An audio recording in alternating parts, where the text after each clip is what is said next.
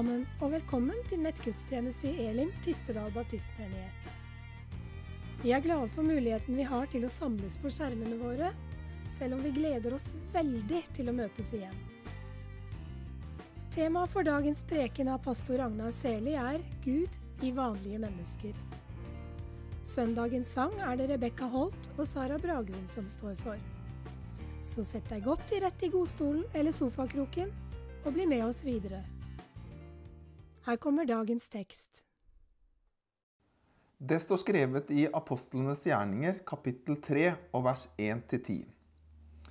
Peter og Johannes gikk en dag opp til tempelet, til ettermiddagsbønnen med den niende time. Da kom noen bærende på en mann som hadde vært lam helt fra mors liv. Hver dag satte de ham ned ved den tempelporten som kalles Fagerporten, så han kunne tigge om gave fra dem som gikk inn på tempelplassen.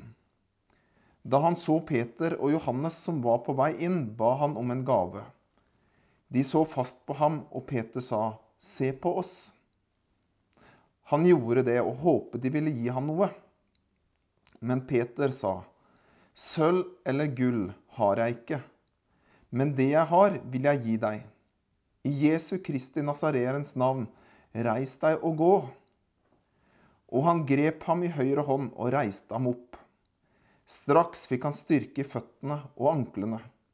Han sprang opp, sto på føttene og begynte å gå omkring.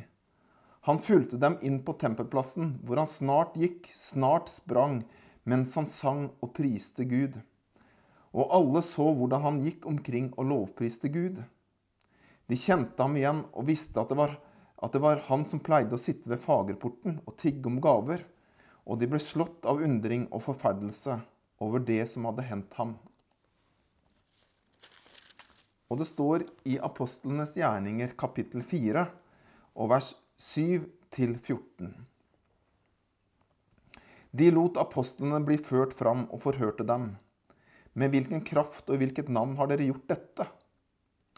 Da ble Peter fylt av Den hellige ånd og svarte dem, rådsherrer og eldste i folket, når vi i dag blir forhørt av en velgjerning mot en syk mann, og blir spurt om hvordan han er blitt helbredet, så skal dere alle og hele Israels folk vite dette.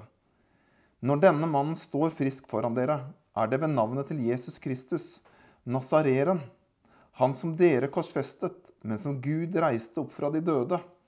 Han er steinen som ble vraket av dere bygningsvenn, men som er blitt hjørnesteinen. Det finnes ikke frelse i noen annen, for under himmelen er det ikke gitt mennesket noe annet navn som vi kan bli frelst ved. Da de så hvor frimodige Peter og Johannes var, og forsto at de var ulærde menn av folket, undret de seg.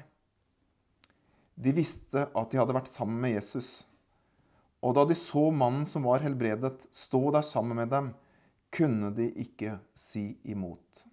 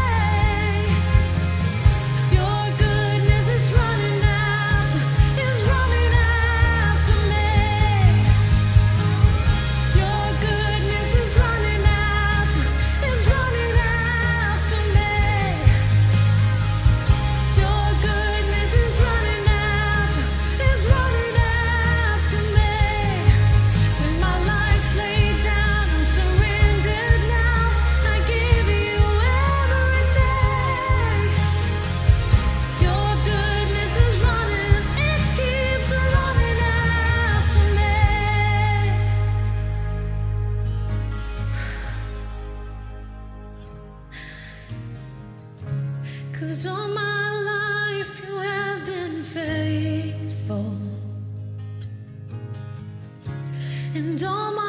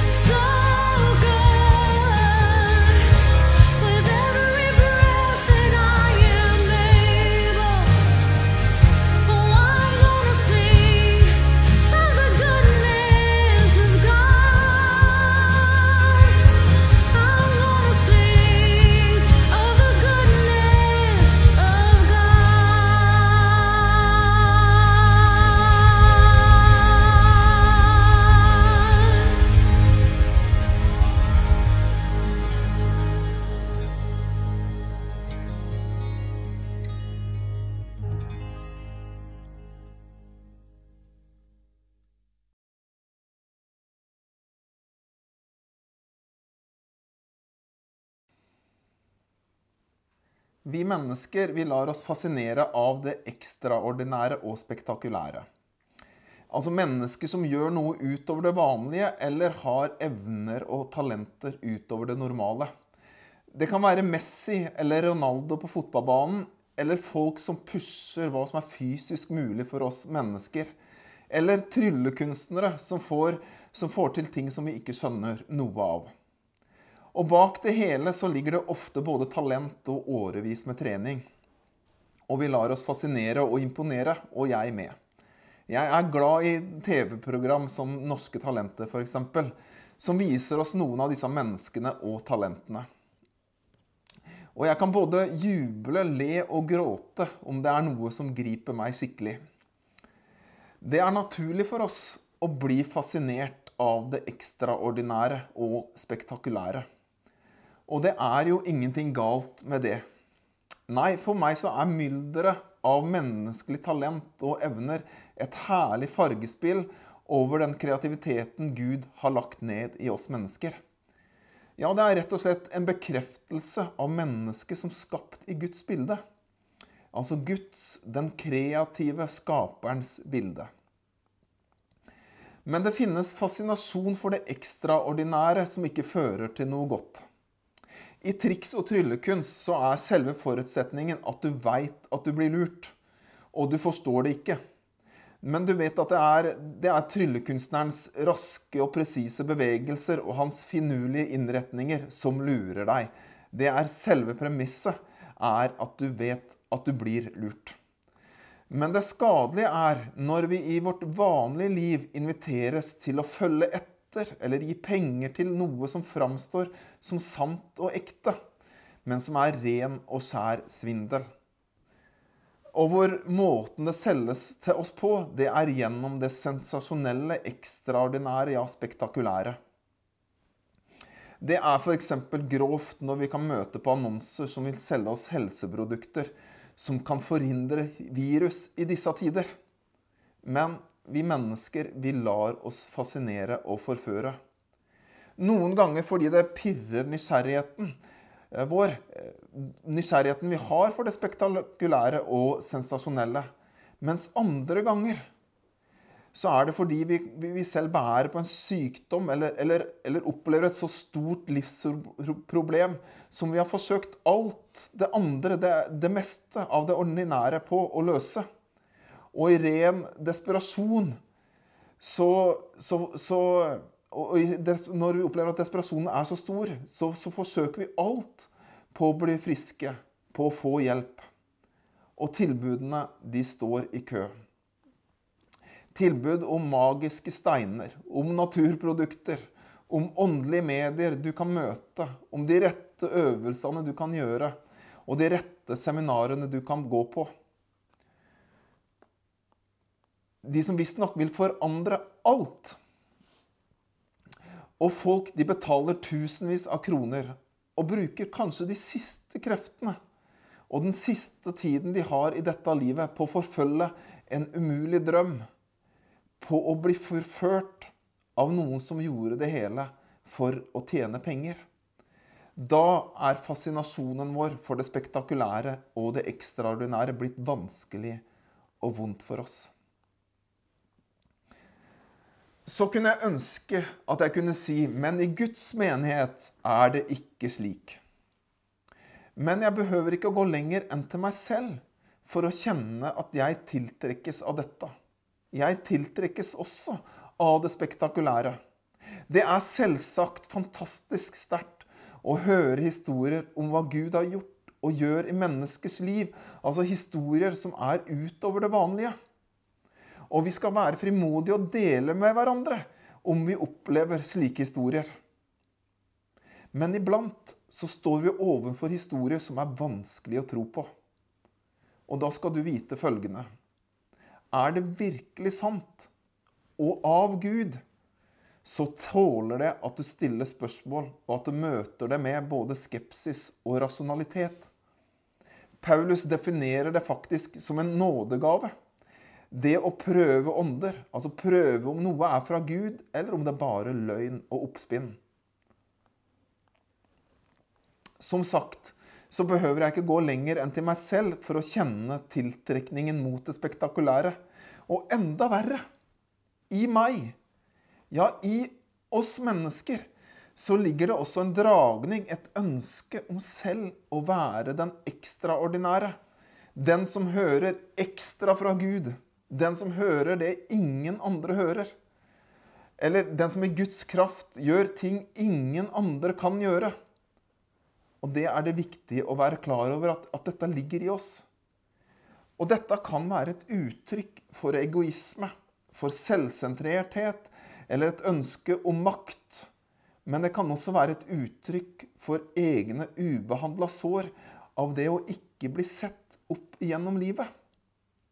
Når Gud gjør dette gjennom meg, ja, da skal de virkelig se da.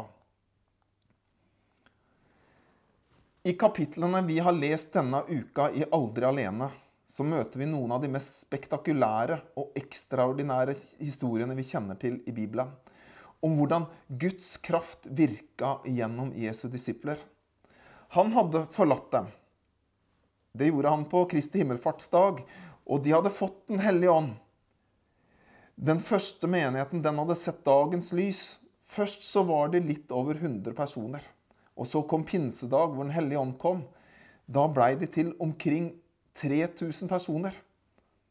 Og dette tiltar, og de øker i mengde. Selv uten Jesus fysisk til stede. Ja, selv uten han til stede så skjer det, skjer det gjennom hans disipler helt ekstraordinære ting. Så heftig får vi det fortalt at, at om bare skyggen av Peter berørte mennesker, så ble de friske. Og de, ble, og de blir mirakuløst satt fri fra fengsel flere ganger. Og det fortelles en gang om at når de ba, så rysta stedet de var samla på.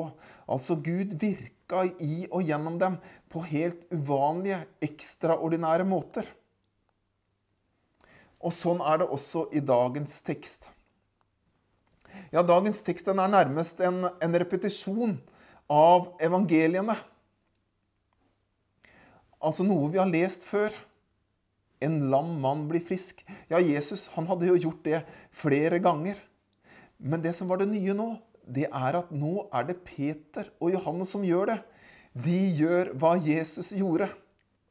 Og jeg kjenner at jeg berøres av tanken, og jeg ønsker at livet mitt skal bli mer, mer som, som så. Og jeg kjenner også i meg at det bærer så inderlig med meg det ønsket så mange ganger. I møte med mennesker jeg møter med ulike sykdommer. Om jeg bare kunne gi dem synet tilbake. Eller føleligheten tilbake i beina. Eller ta fra dem den dødelige sykdommen. Så har jeg historier fra både eget og andres liv der vi både kan fortelle om at vi fikk hjelp, og at et mirakel skjedde. Men samtidig så bærer vi også på mange historier om der vi mista noen i sykdom og ulykke, og vi bare forstår det ikke. Det var helt meningsløst. Og så kjente vi oss så ordinære, så kraftløse og hjelpeløse.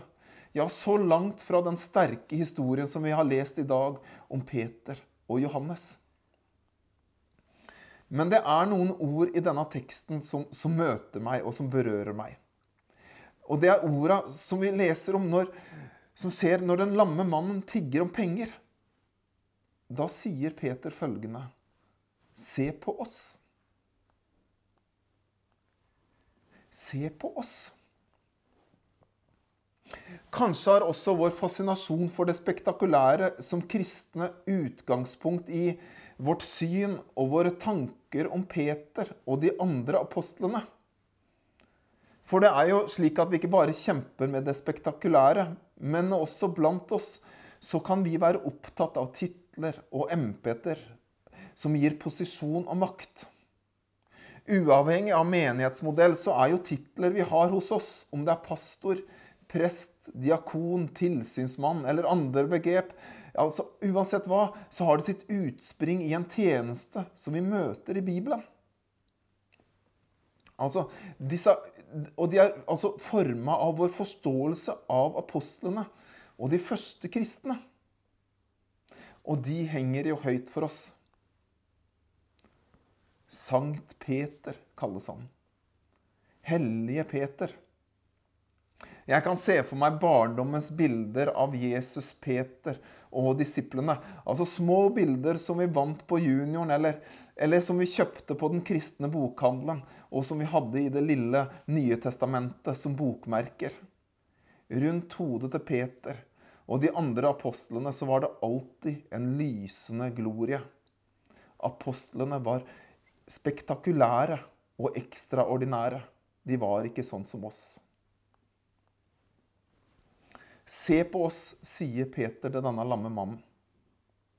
Og mannen gjorde det, står det, fordi han håpte at Johannes og Peter ville gi ham noe. Hva er det denne mannen ser når han ser på Peter og Johannes? Ja, det er det som er så forunderlig. Det denne mannen ser, det er ingen lysende glorie. Det er i det hele tatt ingenting ekstraordinært eller spektakulært ved det hele. Fordi det står at den lamme mannen forventer å få det han bruker å få til vanlig. Av alle de andre vanlige menneskene. En liten slant. Han har ikke forventning om noe mer. For det han ser, gir ikke mer forventning enn som så. Han ser inn i ansiktet på to menn. Kanskje han til og med ser at, at de to menn det er to fiskere.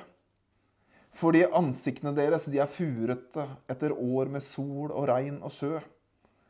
Kanskje han ser de trålete, trælete håndflatene idet Peter løfter hendene opp og sier 'Se på oss'. To arbeidskarer. Helt vanlige menn. Som alle andre. Glorien og tittelen, sankt, det er noe vi kristne har gitt dem etterpå. Denne mannen møter fiskeren Peter, og det er det han ser. Så er det også noe denne mannen ikke ser, som vi er klar over, vi som kjenner historien. Han ser, ikke, han ser inn i øynene på en som vet hva det er å svikte. En som veit så inderlig godt hva det er å oppleve seg så ordinær akkurat i det øyeblikket da han på forhånd hadde sett for seg at han skulle være den ekstraordinære og spektakulære. Om alle andre svikter, hadde han sagt. Da skulle Jesus se da. Hvem som var spesiell og fikk det til. Men han svikta.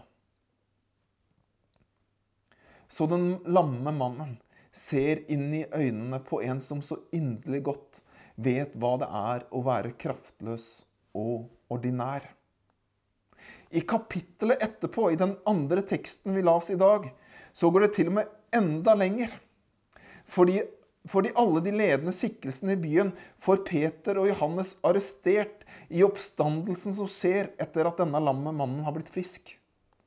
Og under avhør, og etter å ha hørt Peters frimodige tale, så står det at de skriftlærde, rådsherrene og de eldste, kort sagt alle de viktige, de var forundret over Peter og Johannes sin frimodighet, fordi de forsto at de var ulærde menn av folket.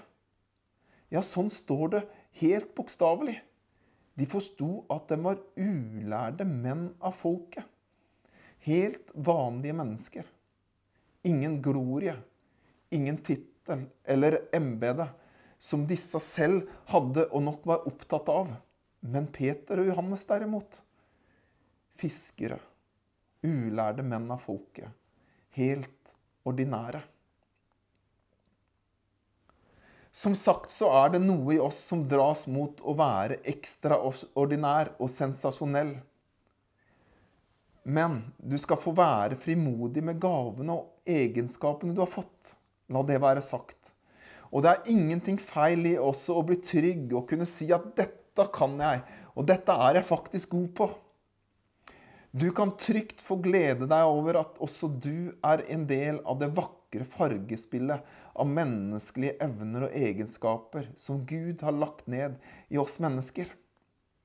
Men det er når vi tror at vi, vi eller andre er ekstraordinære overfor Gud, at det utvikler seg til noe usunt, ja, sykelig.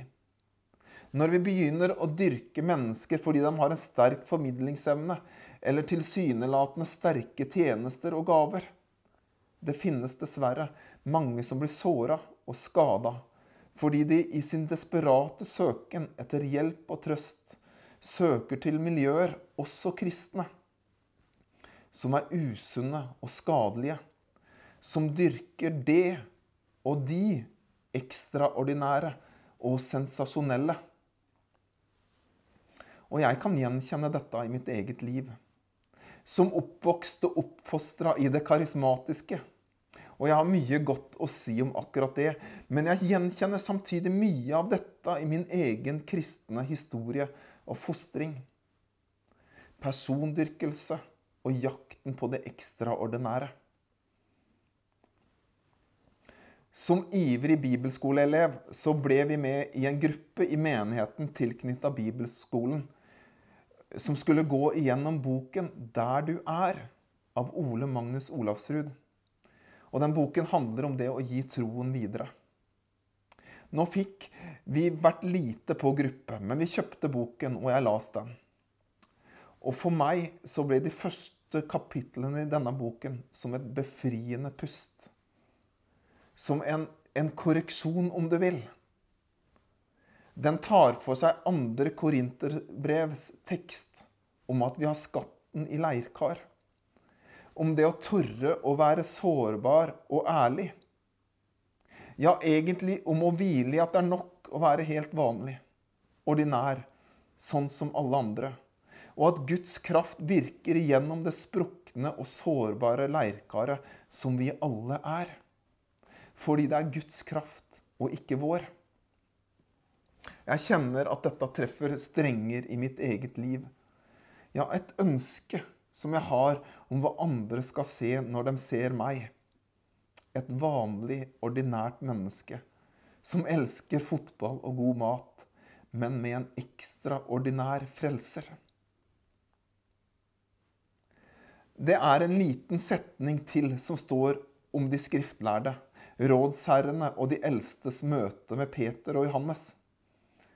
De var forundret da de så at de var ulærde menn av folket. Men det sto en ting til. De visste at de hadde vært sammen med Jesus. Måtte det være vitnesbyrdet til alle oss som tror. At mennesker ser at vi er helt vanlige mennesker. At vi selv hviler i at det er akkurat det vi er. Og at når mennesker ser inn i våre øyne, så ser de inn i øynene til fiskere, studenter, lærere, leger og butikkmedarbeidere. Og at det viktige for oss det ikke er titler eller ekstraordinære evner og gaver, Men det viktige er at de skal få kjenne, tross våre sprukne liv, at også vi har vært sammen med Jesus. Thank you.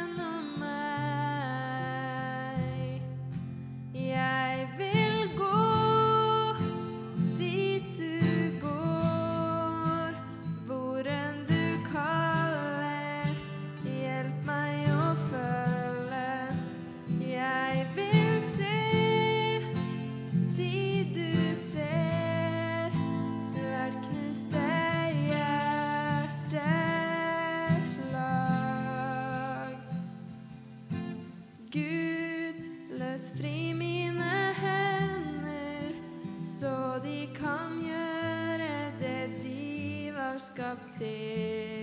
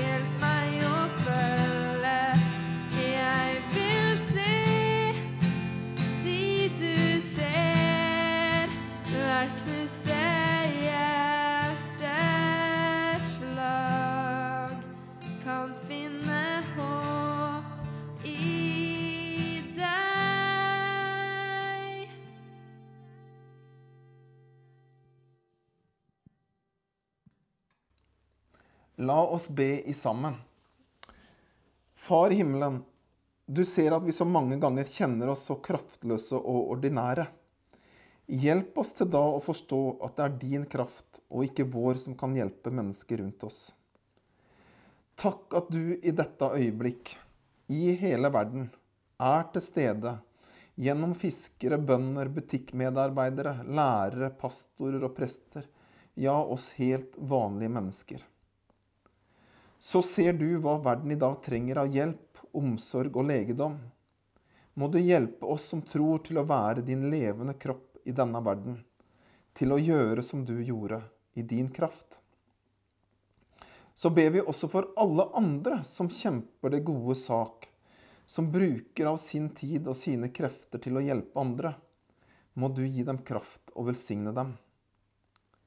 Kom til dem som trenger det, deg i dag.